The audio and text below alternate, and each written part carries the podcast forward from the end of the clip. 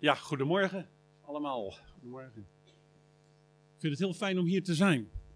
En ik zeg dat niet omdat ik voor het eerst ben en dat ja, uit beleefdheid zou moeten zeggen, maar ik vind het echt fijn hier te zijn. Ik uh, geniet van de atmosfeer en ervaar dat God ook uh, in jullie midden is, in ons midden is hier. En de broeder zei al eventjes, ik kom uit een hele grote gemeente met een prachtig gebouw, maar dat is niet noodzakelijk beter of zo.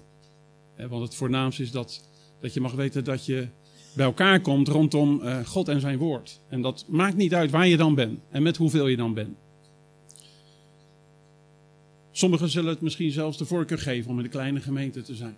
En waar je iedereen kent. En dat geeft toch een meer intieme sfeer. Aan de andere kant moet je het ook niet vervelend vinden om met heel veel mensen te zijn. Want dan krijg je het heel zwaar straks in de hemel. Waar zoveel mensen zullen zijn. Ik zal mezelf, omdat ik hier voor het eerst ben, wat verder voorstellen. Mijn naam is inderdaad Kees Baksteen. Ik ben getrouwd met Marlene. Zij heeft de naam Bruin. Die kennen jullie wel van Margreet Bruin. Zij heet dan Bruin Baksteen. Mijn vrouw heet Baksteen Bruin. Zo kan het lopen. Uh, want mijn zus is namelijk met uh, een neef. Of met uh, een neef van Marleen getrouwd. Zo kan het zijn dat je neef je zwager is. Nou, ingewikkeld, maar het blijkt gewoon een goede combinatie te zijn. Baksteen en Bruin. Ik voel me thuis hier in Hoogvliet. Ik heb 37 jaar in Hoogvliet gewoond. Sterker nog, een, ik denk een kilometer hier vandaan heeft mijn wieg gestaan. In de Wijnruidstraat ben ik geboren. En ik heb op de oude land gewoond, de Zalmplaat, tussen water. Nou ja, allerlei wijken heb ik gehad. En daarna ben ik uh, verhuisd naar de Hoekse Waard. Uh, Zo'n 17 jaar geleden. Nou, daar wonen we met veel plezier. Daar zijn we verbonden geraakt aan de Evangelische Gemeente Hoekse Waard, de EGHW. Het scheelt maar een weetje met jullie gemeente. En nou, al snel mocht ik daar ook deel uitmaken van het leidersteam. En gedurende 13 jaar heb ik als oudste de gemeente mogen dienen. Deels ook in, in dienstverband. En nu een jaar geleden heb ik dat afgerond en kunnen overdragen. En ben ik weer fulltime aan het werk als ambulanceverpleegkundige. Um, wij zijn uh, getrouwd, hebben drie kinderen en we hebben drie kleinkinderen. Nou, dat is eventjes genoeg, denk ik. En nu gaan we praten over een persoon uh, die veel belangrijker is. En ik wil beginnen met een, um, een voorval wat ik meemaakte tijdens mijn werk. Het was op een dag een beetje vergelijkbaar met vandaag. Koud, regenachtig, winderig. En ik had dienst op de ambulance en ik zat op de post in Brielen. En toen gebeurde dat wij een melding kregen dat we naar een ongeval moesten in uh, Rotterdam langs de A15. Daar was op het spoor wat naast de A15 loopt in het Europoortgebied, daar was een ongeval gebeurd. Het was nogal paniekerig geweest, de melding. Het was niet duidelijk wat er gebeurd was. Maar het was in ieder geval goed fout en wij moesten die kant op. En toen we daar aankwamen, het was zo'n beetje uh, bij de Suurhofbrug in de buurt, het Europoortgebied. En daar loopt de Betuwe-lijn langs de A15. Er waren twee mannen. Want toen ik aankwam zag ik de wegenwacht staan. Ik denk, nou, misschien heeft iemand pech of zo. En er zat een man op de vangrail. En toen ik hem aansprak, hij zag er ja, geschokt uit. Hij was bleek, hij was geschrokken en hij vertelde wat er gebeurd was. Hij was samen met zijn vriend onderweg en ze waren de, de route kwijt. Ze hadden een verkeerde afslag genomen. Ze moesten helemaal niet daar zijn. En tot overmaat van ramp stopte hun auto ermee. De motor viel stil en ze zetten hem op de vluchtstrook. En voor de veiligheid waren ze over de vangrail geklommen om niet in hun auto te blijven zitten. Maar omdat het zo slecht weer was, dachten ze, laten we naar dat gebouwtje daar lopen. En ze liepen over het spoor naar het gebouwtje aan de overkant om wat beschutting te vinden. En het leek ook helemaal niet in gebruik, dat spoor. Het was begroeid, er was gras, het zag er onverzorgd uit. En ze stonden daar een tijdje bij het gebouw tot uh, ze het busje van de ANWB zagen komen, de wegenwacht die ze hadden gebeld. En een van die mannen loopt vooruit om die man op te vangen. En hij loopt daar met zijn capuchon op over het spoor naar de auto toe. En zijn vriend achter hem ziet dat hij totaal geen erg heeft in de trein die aankomt. Er komt een goederentrein aan en hij merkt dat hij het niet in de gaten heeft. Dus hij neemt een sprintje en hij duwt zijn vriend voorover. Met als gevolg dat hij zelf op het spoor belandde en door de trein werd overreden. Die vriend die was ongedeerd, die was wel gevallen, maar hij mankeerde niets.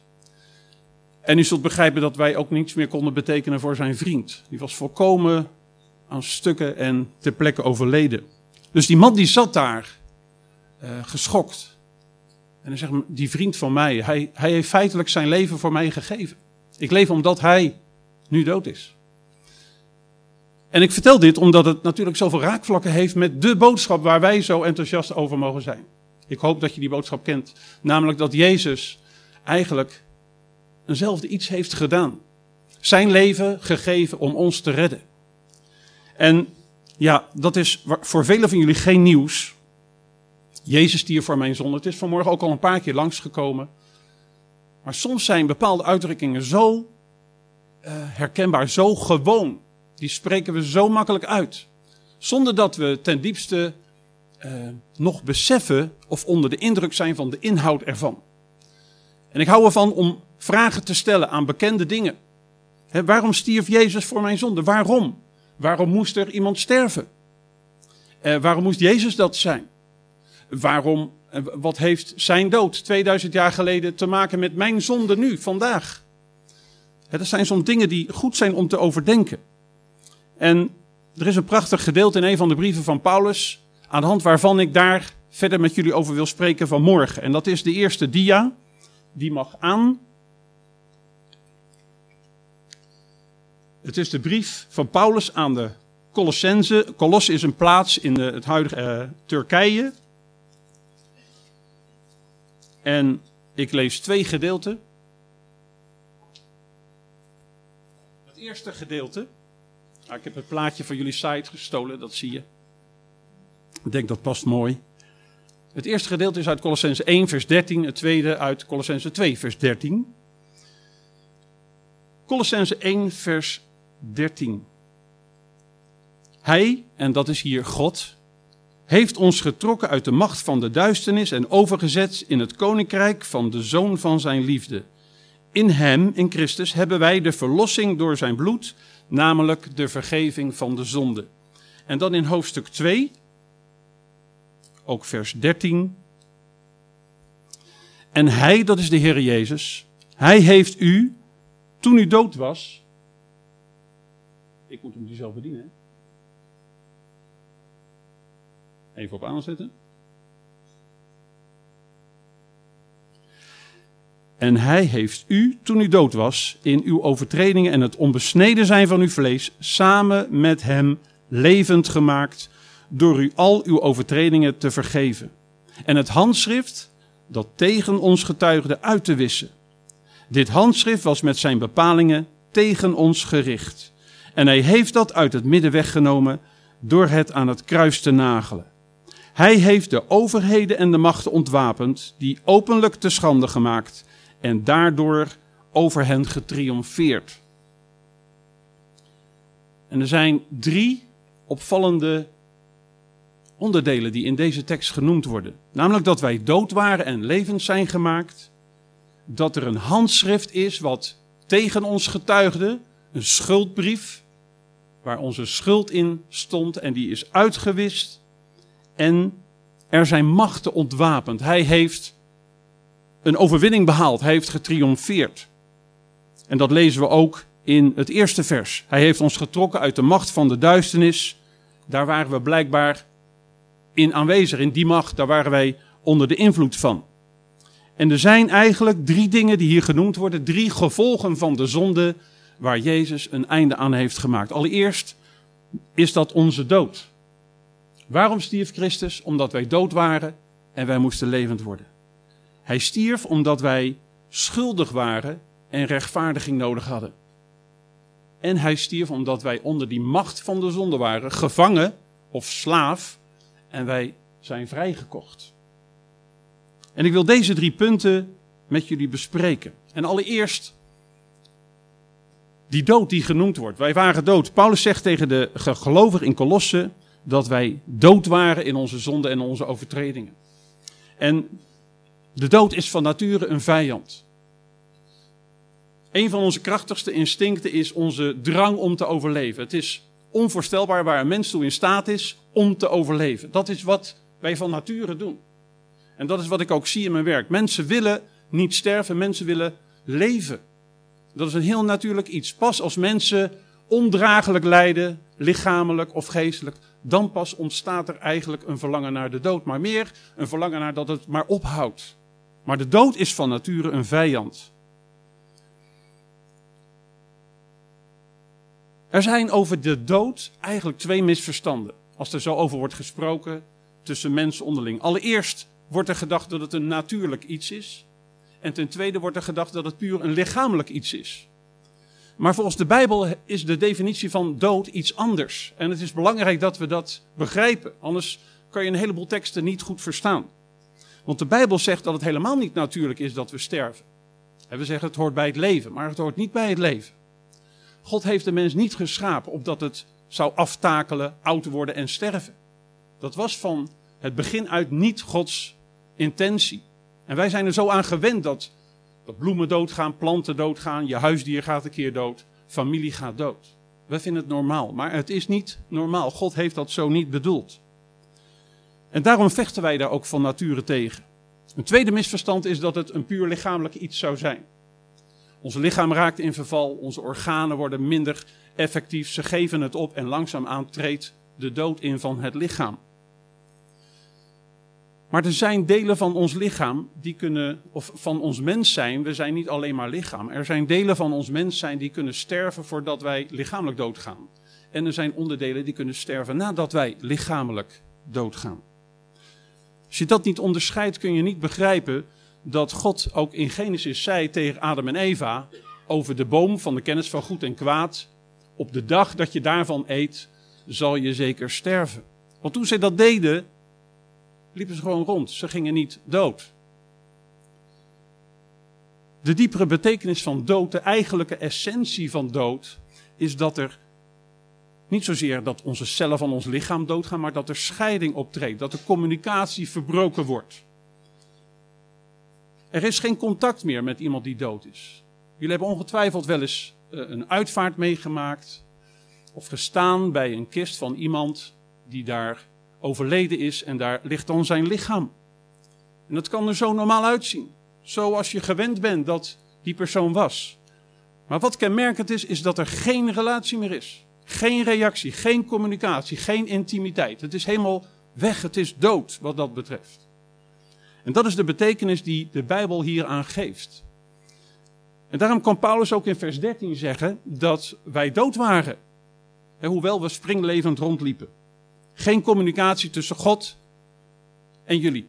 Jullie niet met God en God had niet de intimiteit met jullie waar hij zo naar verlangt. En er staat ook dat wij in onze onbesneden staat waren. Dat wil zeggen, we hadden geen verbond met God. De besnijdenis is het teken van het verbond. En er was geen verbond, geen verbinding met God. We waren los van God. Het wordt wel eens van mensen gezegd, hè, die zich misdragen. Hij is helemaal los van God. Nou, alle mensen, ook in Hoogvliet, zijn in principe van nature los van God. En hebben het nodig om eigenlijk weer in verbinding gebracht te worden, om levend gemaakt te worden. En dat is de taal van de Bijbel. En dat lees je ook in Lucas, de bekende gelijkenis van de verloren zoon. Als de vader zegt, als de zoon terug is, van mijn zoon, hij was dood en hij is levend geworden. En dat kan je dan begrijpen, omdat inderdaad toen zijn zoon weg was, was er geen contact.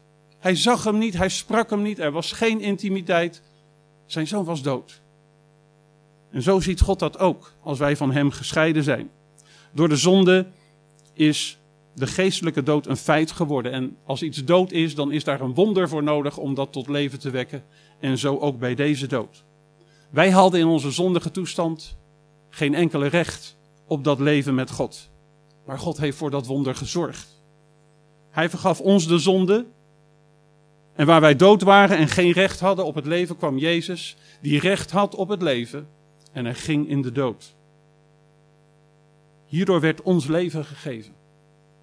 Het was onze dood die hij overnam. En dat vond ik zo kenmerkend in wat ik toen meemaakte die dag. Die persoon nam eigenlijk de dood over van zijn vriend. Hij ging letterlijk in zijn plaats staan, waar hij zeker zou sterven. Zijn vriend zou leven en hij nam de dood. En het was niet zijn intentie om dat te doen, maar hij wilde die zoon redden. Hij wilde die vriend redden. Jezus heeft ons uit de duisternis getrokken hebben we gelezen, en ons geplaatst in het koninkrijk van de zoon van zijn liefde. Dat is eigenlijk een ander beeld. Hij heeft ons getrokken uit de duisternis en die vriend had hem geduwd uit de plek van de dood en de duisternis. En Jezus was de enige persoon op aarde die niet had hoeven sterven. En daarom moest Jezus, de Zoon van God, dat doen. Als een van ons dat had willen doen, had niet gekund, want wij waren zelf dood. En dan kan je niet de plek van een ander innemen. Dan kan je niet het leven wat je zelf niet hebt geven aan een ander. Maar alleen Jezus, volmaakt en zonder zonde, kon die plek innemen. En zijn dood was ook niet een lichamelijke en natuurlijke dood.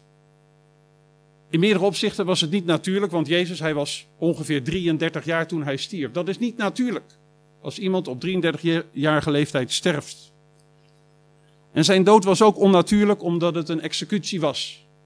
Hij was niet oud geworden en daardoor verzwakt. Hij was in de kracht van zijn leven, maar hij is vermoord. En naast dat het niet natuurlijk was, was het ook niet alleen maar lichamelijk wat er aan het kruis gebeurde. Jezus werd daar van God verlaten. En dat is weer dezelfde taal die daar gesproken wordt. Het is het van God verlaten zijn wat dood betekent. En Jezus, tuurlijk, hij stierf aan het kruis. Zijn lichaam ging ook dood. Maar hij zei daar niet van, Heer, wat leid ik en wat doet dit pijn? Maar hij zei, waarom hebt u mij verlaten? Dat was de dood die hij van ons overnam. Het verlaten zijn van God. Dat moest hij ondergaan. En als gevolg daarvan konden wij in verbinding met God komen. Er was een scheiding voor het eerst in de eeuwigheid tussen de zoon en de vader. Mijn God, waarom heb u mij verlaten? En ik kreeg geen antwoord. Maar hij deed dat om de relatie met jou en God te kunnen herstellen. Zo werd Jezus de weg tot God. En dat blijft een mysterie en dat kan, ik kan het niet verder uitleggen hoe dat dan heeft plaatsgevonden, maar dit is wat de Bijbel daarover zegt. En laten we er intens dankbaar voor zijn dat Hij dat voor ons wilde doen. Hij heeft u, toen u dood was in uw overtredingen en onbesneden zijn van uw vlees, hè, zonder verbond, samen met Hem levend gemaakt door u al uw overtredingen te vergeven. Dat gebeurde eigenlijk toen Jezus opstond uit de dood. Zijn wij samen met Hem levend geworden. En onze overtredingen, onze zonden, ze zijn vergeven. En dat is geweldig. Dat is een geweldige zekerheid om zo te mogen leven. Weten dat er geen zonde meer is tussen God en tussen jou. En dus geen scheiding. En dus vrijmoedigheid om tot God te gaan. De zonde maakte dat we dood waren, maar door de vergeving zijn we levend gemaakt. Vaak wordt de vergeving van onze zonde gezien als het ultieme doel van Jezus' komst. Maar ik denk dat het slechts het middel was om ons het leven te kunnen geven. Het doel was niet dat we onze zonde zouden kwijtraken, maar het was een obstakel om een relatie met God te kunnen hebben. Het scheppingsdoel was dat wij intiem met God zouden omgaan. Dat was Gods plan. En daarvoor moest die zonde vergeven worden. En moest er een offer gebracht worden. Het tweede wat we zien, en dat in de tekst blijkt uit vers 14, is dat er een schuld was. Er is een handschrift, een schuldbrief die tegen ons getuigt. En schuld hebben of schuldig staan is een ellendig iets. Ik kan me herinneren, een paar jaar terug, dat er op NPO 1 een documentaire was, een zesdelige documentaire, en dat heette Schuldig. Dat ging over mensen die diep in de schuld zaten. En ik ben blij dat ik het zelf niet heb gekend, maar het lijkt me afschuwelijk te weten dat je een schuld hebt die je feitelijk nooit kwijtraakt. Die kan zo groot zijn dat je denkt, ja, al ga ik keihard werken, al heb ik drie banen, ik kan hem niet afbetalen. Dat is een enorm blok aan je been. In de tijd van Paulus als je schuld had, ben je gewoon in de gevangenis gegooid. Totdat je betaald had. Absoluut niet handig lijkt me, want hoe kan je nou een schuld afbetalen juist als je gevangen zit? Maar dat werd gedaan. Was er een slaaf die zijn schuld niet kon betalen in de gevangenis. Tot hij betaald zou hebben. En nu hebben wij een schuld ten opzichte van God die je niet in geld kan uitdrukken. En die je ook niet ongedaan kan maken. Wij kunnen niet teruggaan naar de momenten dat wij verkeerd hebben gehandeld, verkeerd hebben gesproken, mensen hebben benadeeld, uh, gezondigd hebben, gelogen hebben, niet gedaan hebben wat we moesten doen enzovoort. We kunnen dat niet ongedaan maken. Die schuld kunnen wij niet vereffenen. En het is goed om te weten dat de schuld waar we over praten, is een schuld ten opzichte van God. God is hier de schuldeiser. Hij heeft, en het woord wat hier gebruikt wordt, um, nou daar kom ik zo op. Zo moeilijk wordt, ik weet het niet uit mijn hoofd. Maar het is God zelf die een handgeschreven brief heeft waarop eigenlijk onze schuld vermeld staat. En, en de zonde die wij hebben, die, die verjaart niet. van ons hele leven. En God is degene die daar een oordeel over moet vellen. Het is zijn toorn waarvan wij gered moeten worden. Het is God die de schuldeiser is. Vaak als wij praten over het evangelie, dan noemen we vaak als eerste God houdt zo van je. God heeft je lief. Dat is de boodschap die we vaak uitdragen. Maar is dat nou een verstandige boodschap? Is dat nou wat wij in eerste instantie mensen moeten voorhouden? Ik merk dat mensen vaak het idee krijgen: oh, God is, dat is onze lieve Heer. Hij is een hele goedlachse oude grootvader die naar ons knipoogt en zegt: ja, het is wel goed. en we hebben uitdrukkingen als Gods onvoorwaardelijke liefde. Ook een, een woord wat je in de Bijbel niet vindt. Ik begrijp wel wat ermee bedoeld wordt, maar als je het aan een ongelovige voorstelt, dan trekt hij daar zo zijn conclusies uit die niet altijd kloppen. Ze krijgen de indruk namelijk dat, ja, we hebben het nog gezongen, je mag komen zoals je bent. Oh, ik mag komen zoals ik ben. Het maakt dus niet uit hoe ik ben en wat ik doe en hoe ik leef. God houdt van me, hij neemt mij aan, hij is een lieve vader, hij is er als ik hem nodig heb. En dan roep ik en hij luistert. Hij zal niet veel eisen stellen, ik hoef niet te veranderen. Heel vaak is dit de indruk die mensen krijgen als wij God al gelijk neerzetten als God is je vader en hij houdt van je. Nee, God is op dat moment je vader helemaal niet. God is rechter. God is degene die een schuldeiser is. God is degene wiens toorn een mens moet ondergaan als hij zich niet bekeert. Dus hoewel dat natuurlijk, het is iets waar wij ons ook over kunnen verblijden. De liefde van God, want die hebben wij leren kennen. Die hebben wij begrepen. En dan begrijpen wij ook dat God inderdaad vanwege het offer van Jezus ons onvoorwaardelijk lief heeft. Niet afhankelijk van onze daden, maar dat is genade. Maar ik zou in eerste instantie niet aan een ongelovige een hele lieve aardige God willen brengen. God is niet veilig. God is rechtvaardig en God is heilig. En als je de Bijbel doorleest en je zou elke tekst onderstrepen over de liefde van God, heb je maar heel weinig pen nodig. Genesis niet, Exodus, één tekst. En daar, daar zegt God tegen Israël: Jullie zijn niet bijzonder, uh, of ik heb jullie niet lief gehad omdat jullie bijzonder zijn, maar jullie zijn bijzonder omdat ik jullie heb lief gehad. Het feit dat God van mensen houdt, ligt niet in mensen. Mensen zijn niet zo lief dat hij wel van ze moet houden, maar het is het wezen van God. En dat maakt dat hij niet wil dat ze verloren gaan. Maar mensen moeten niet denken: oh, ik ben zo lieflijk voor God. Ik ben oké. Okay. Matthäus, niets over de liefde van God. Lucas, niets over de liefde van God. Marcus, niets over de liefde van God. Nou, het boek Handelingen dan. Daar wordt toch het evangelie gebracht. daar, daar gaan mensen de wereld in om te vertellen het evangelie van Jezus Christus. Niets over de liefde van God. Wel over bekering. En over rechtvaardiging. En over vergeving van zonde. Dus waarom stierf Jezus aan het kruis? Om Gods toorn af te wenden. De toorn van God. Die zou op ons komen. En daarom is geloof en bekering nodig. De enige manier om gered te worden van Gods toorn is het offer wat Jezus bracht. En dat betekent in eerste instantie gered worden van de toorn van God. En niet van de boze of van de Satan. Romeinen 5 vers 9. Veel meer dan zullen wij, nu we gerechtvaardigd zijn, door zijn bloed, door hem behouden worden van de toorn, Gods toorn. De liefde van God is veel complexer dan we vaak vertellen aan mensen. En als je denkt te kunnen komen zoals je bent als mens, dan kom je bedrogen uit. De Bijbel zegt zelfs, en dat is het Nieuwe Testament, God is een verterend vuur. Als je zoals je bent voor God verschijnt, kun je niet bestaan. Maar je mag komen zoals je bent bij het kruis van Golgotha. Daar mag je komen. Bij de Zoon van God, die jou heeft liefgehad en zichzelf voor jou heeft overgegeven. Daar mag je komen zoals je bent. En daar word je gerechtvaardigd, daar word je geheiligd, daar word je verlost van de schuld en van de zonde. En dan mag je komen zoals je bent geworden door genade.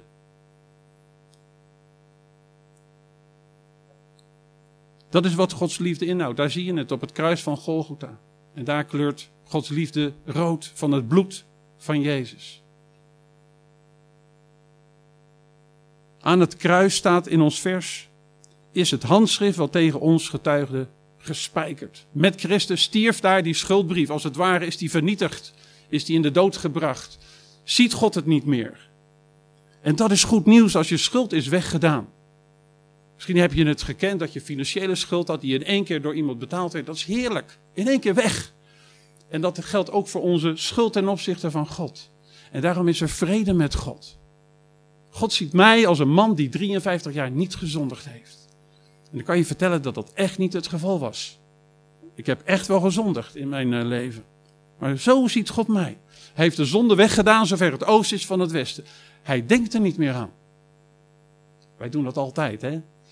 Als er wat is geweest, dan uh, oké, je maakt het goed, maar je weet het altijd nog wel. Zit altijd nog wel in je hoofd. God kan het wegdoen. En als ik opnieuw zondig, is feitelijk in Gods ogen de eerste zonde, en ik mag het beleiden, dan is Hij getrouw en rechtvaardig om ook die zonde te vergeven, dankzij het offer van Jezus. Hebreeën 8, vers 12. Ik zal hun ongerechtigheden genadig zijn en hun zonde en hun overtredingen zal ik geen zins meer gedenken. En dat is fantastisch. En dat geeft vrijmoedigheid. Ook al zou mijn afgelopen week beroerd zijn geweest, in de zin van hoe ik geleefd heb en hoe goed ik het er vanaf heb gebracht, ik kan hier vrijmoedig staan en spreken over de genade van God. Want het is niet afhankelijk van mijn gedrag en mijn prestaties. En het derde en laatste punt wat we in onze tekst tegenkomen is dat de overheden en de machten ontwapend zijn en dat Christus daarover heeft getriomfeerd. De reden dat wij zondigen is ja, dat de zonde door de mens de wereld in kwam en van mens op mens ook is doorgegaan. Maar je merkt dat er een inwendige begeerte is. Eh, dat noemt de Bijbel ook de vleeselijke begeerte. Die oude natuur die neigt om te zondigen. Wij zijn geen zondaar omdat we zondigen, maar we zondigen omdat we zondaar zijn. Dat zit in ons. Daar is een macht die maakt dat wij dat doen.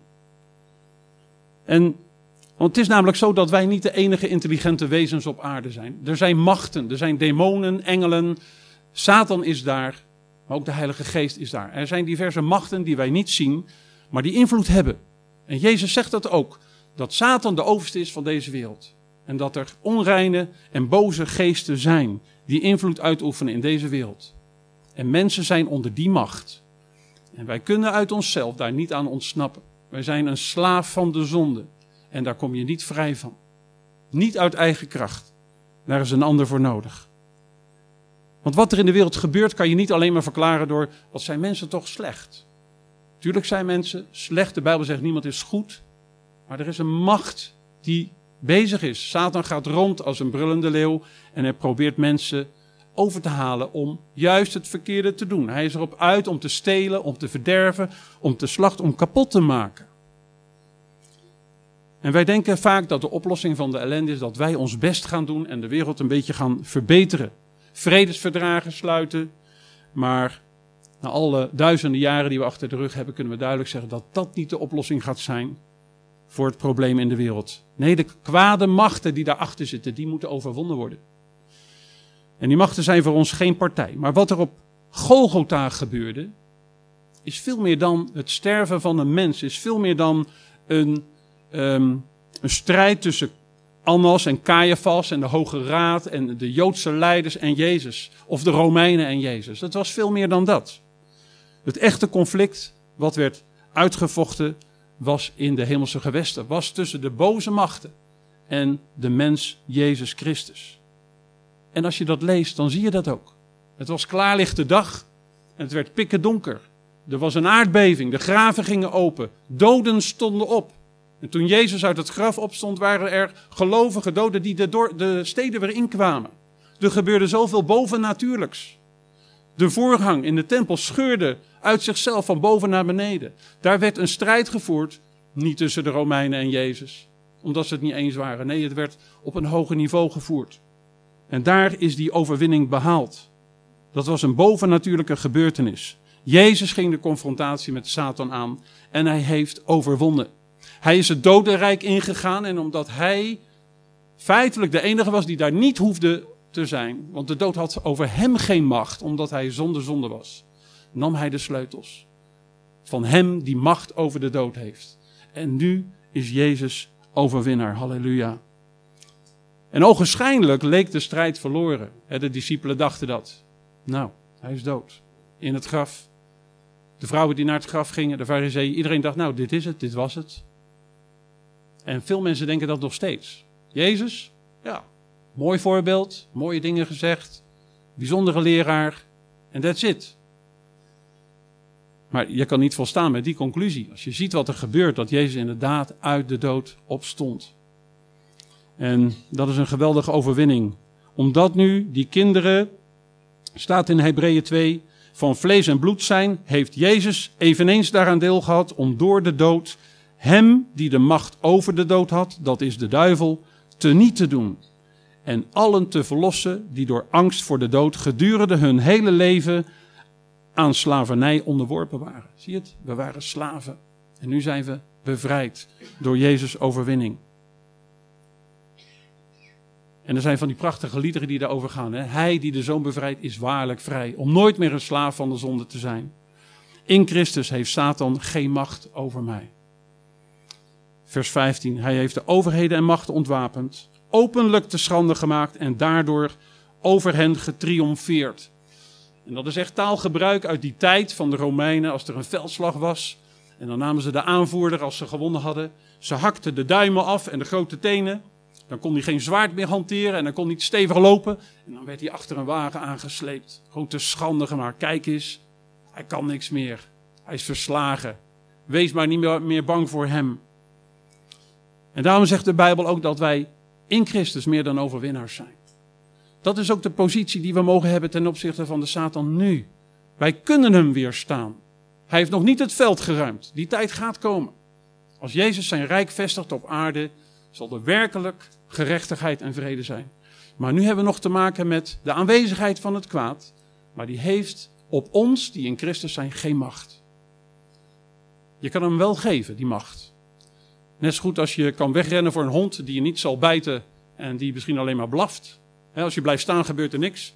Maar je bent bang en maakt indruk en je rent weg. Dan heb je een macht gegeven. Je kan je later wegjagen. Maar het hoeft niet meer. En het is zo mooi dat als je de brieven leest van Paulus, Efeze ook, eh, of Colossense, maar ook de brief van de Efeziërs, altijd begint hij de eerste hoofdstukken met wie Christus is. Wat Christus heeft gedaan. Dat hij het hoofd is. Dat we gezegend zijn met geestelijke zegeningen. Allerlei belangrijke waarheden begint hij te noemen. En daarna pas gaat hij zeggen, en omdat je dan gestorven bent en omdat je dan in Christus bent, lieg daarom niet meer. Leef daarom zo. Doe dat dan weg. Ga zo met je vrouw om. Uh, ga zo met strijd om. Dan krijg je alle praktische onderwerpen. En dat is heel mooi om te zien. Ook in Colossense, in hoofdstuk 3, dan gaat het meer over de praktische dingen. Dood dan de leden die op aarde zijn: ontucht, onreinheid, hartstocht enzovoorts. En dan gaat het over de verhoudingen in het gezin, over ons getuigenis naar buiten, ook in de Efezebrief. Gij heel anders, want gij hebt Christus leren kennen. Eerst legt hij uit waarom ons gedrag moet zijn zoals het moet zijn. Weet je, en dat is een heel belangrijk verschil. Je kan twee gelovige mensen hebben waarbij, de, waarbij ze allebei hetzelfde gedrag hebben, dezelfde goede werken doen. Maar de een doet het soms om in een goed blaadje te komen bij God. Om schuldgevoel kwijt te raken. Om zeg maar je redding te verdienen. Te denken, ja maar God neemt mij nu wel aan. Nu ben ik acceptabel voor God. Nu houdt hij van mij. En de ander weet dat hij al lang is gerechtvaardigd. Dat hij al lang geliefd is door de Vader. En daarom doet hij dat. En dat is een groot verschil. Dat is ook het verschil tussen het christelijk geloof en alle religies in de wereld. Die zeggen allemaal, doe dit, laat dat, gedraag je zo, zoveel keer per dag dat doen. Allemaal dingen die wij moeten presteren. En dan zal God ons misschien iets geven. Misschien. Maar het christelijk geloof zegt iets heel anders. Die zegt er is een God en die heeft zijn zoon gegeven. Hier heb je het geschenk van rechtvaardiging, van heiliging, van verlossing. Je wordt bevrijd uit het rijk der duisternis en je bent geplaatst in het koninkrijk van God. En dat is een heel ander verhaal. En dat is zo belangrijk dat we deze uh, waarheid, dat we die goed begrijpen, dat we daar steeds weer aan denken. Ik denk dat die vriend waar ik over vertelde nog vaak terugdenkt aan het moment. Dat zijn vriend om het leven kwam en dat hij daardoor nu nog leeft. Daarom is het ook goed, en ik denk dat jullie dat ook wel maandelijks doen, hè? avondmaal vieren. Heeft Jezus heel expliciet gegeven. Doe dit tot mijn gedachtenis. Wijn, wat spreekt van zijn bloed. Het brood, wat spreekt van zijn lichaam, dat voor ons gegeven is. Doe dit tot mijn gedachtenis. Vergeet niet wat ik gedaan heb. Niet dat Jezus bang is dat hij uh, vergeten wordt, maar ons gedrag gaat veranderen als we dat uit het oog verliezen. Gaan we weer presteren? Gaan we weer ons best doen om dingen te verdienen? Nee, ons fundament is Christus en zijn volbrachte werk. Heel vaak denken mensen, en dat merk ik ook als ik met collega's spreek, die hebben allemaal het idee, het christelijk geloof betekent, het is een soort weegschaal, onze slechte daden en onze goede daden. En je moet goede dingen doen. Naar de kerk gaan, Bijbel lezen, geld geven. En dan gaat die weegschaal misschien doorslaan naar de goede kant. Maar dat is zo'n misverstand. Aan die goede kant, daar ligt dat verzoeningswerk van Jezus en dat is loodzwaar. Dat is al helemaal klaar. En onze goede werken, die zijn alleen maar een gevolg daarvan. Uit dankbaarheid, uit liefde. Niet om terug te betalen, want dat kunnen we nooit. Maar omdat we God zo intens dankbaar zijn. En we hebben vanmorgen prachtige liederen gezongen, ook over blijdschap. Hè? Eerste liederen gingen echt over, ik ben zo blij. Dit is de dag die de Heer heeft gemaakt. En, en ik denk dat het belangrijk is dat we ook nadenken over waar ligt onze blijdschap in. Is dat als omstandigheden oké zijn? Als je gezond bent, of je bankrekening is goed gevuld, of je hebt een vakantie in het vooruitzicht. Dan is je blijdschap zomaar weg. Die is zomaar weg. Als je blijdschap is in wat ik net heb uitgelegd, wat Jezus voor jou is, heeft gedaan, dan kan, je, kan niemand dat van je afnemen. Is dat altijd aanwezig. Al ben je ziek, al is het beroerd weer als vandaag, maakt niet uit. Er is altijd die blijdschap. Te weten dat Jezus, de Zoon van God, jou heeft liefgehad en zichzelf voor jou heeft overgegeven. En zijn verlangen is dat je vanuit de dood dat nieuwe leven gaat ontdekken.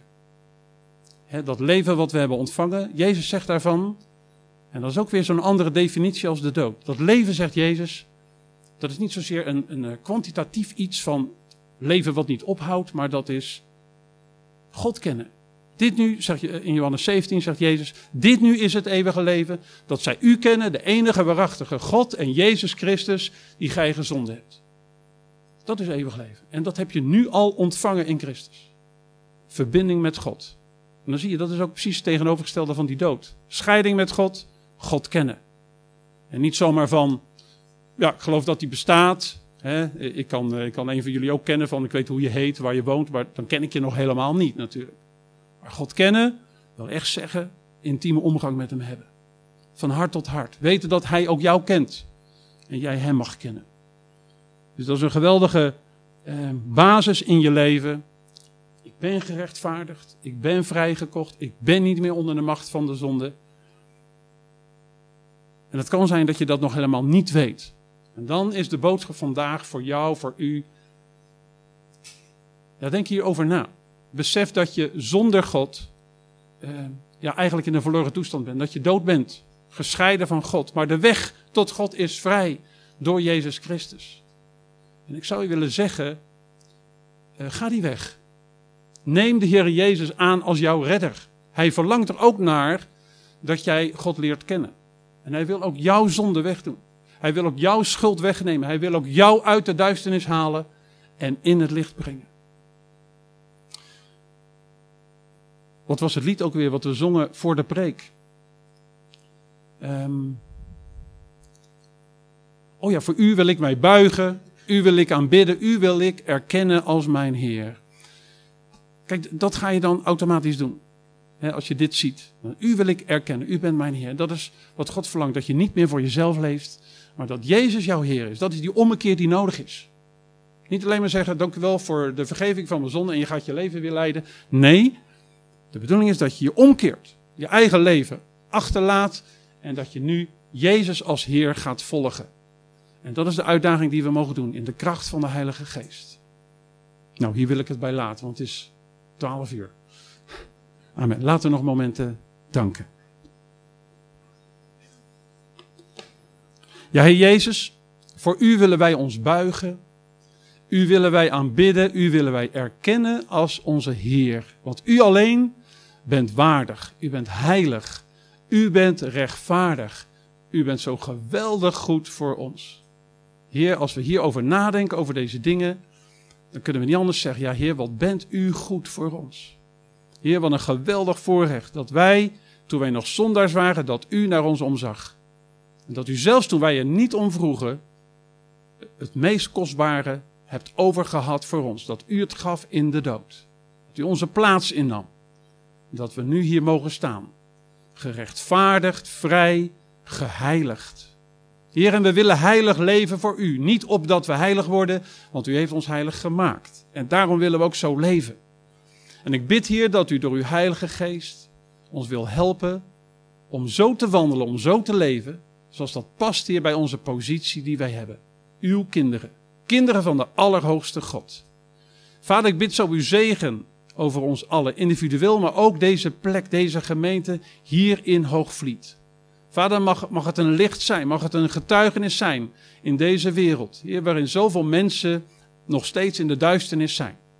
Heer, mag er een helder licht schijnen vanaf deze plaats. Wilt u mensen trekken die zoekende zijn? Wilt u harten voorbereiden? Zodat als ze in contact komen, Heer, met gelovigen op deze plek, dat ze zullen smaken en zien dat u goed bent. Dat ze zullen verlangen naar meer. Heer, wees ons genadig en gebruik uw gemeente, Heer, om een geweldig werk te doen. Tot eer en heerlijkheid van uw naam. Amen. Amen.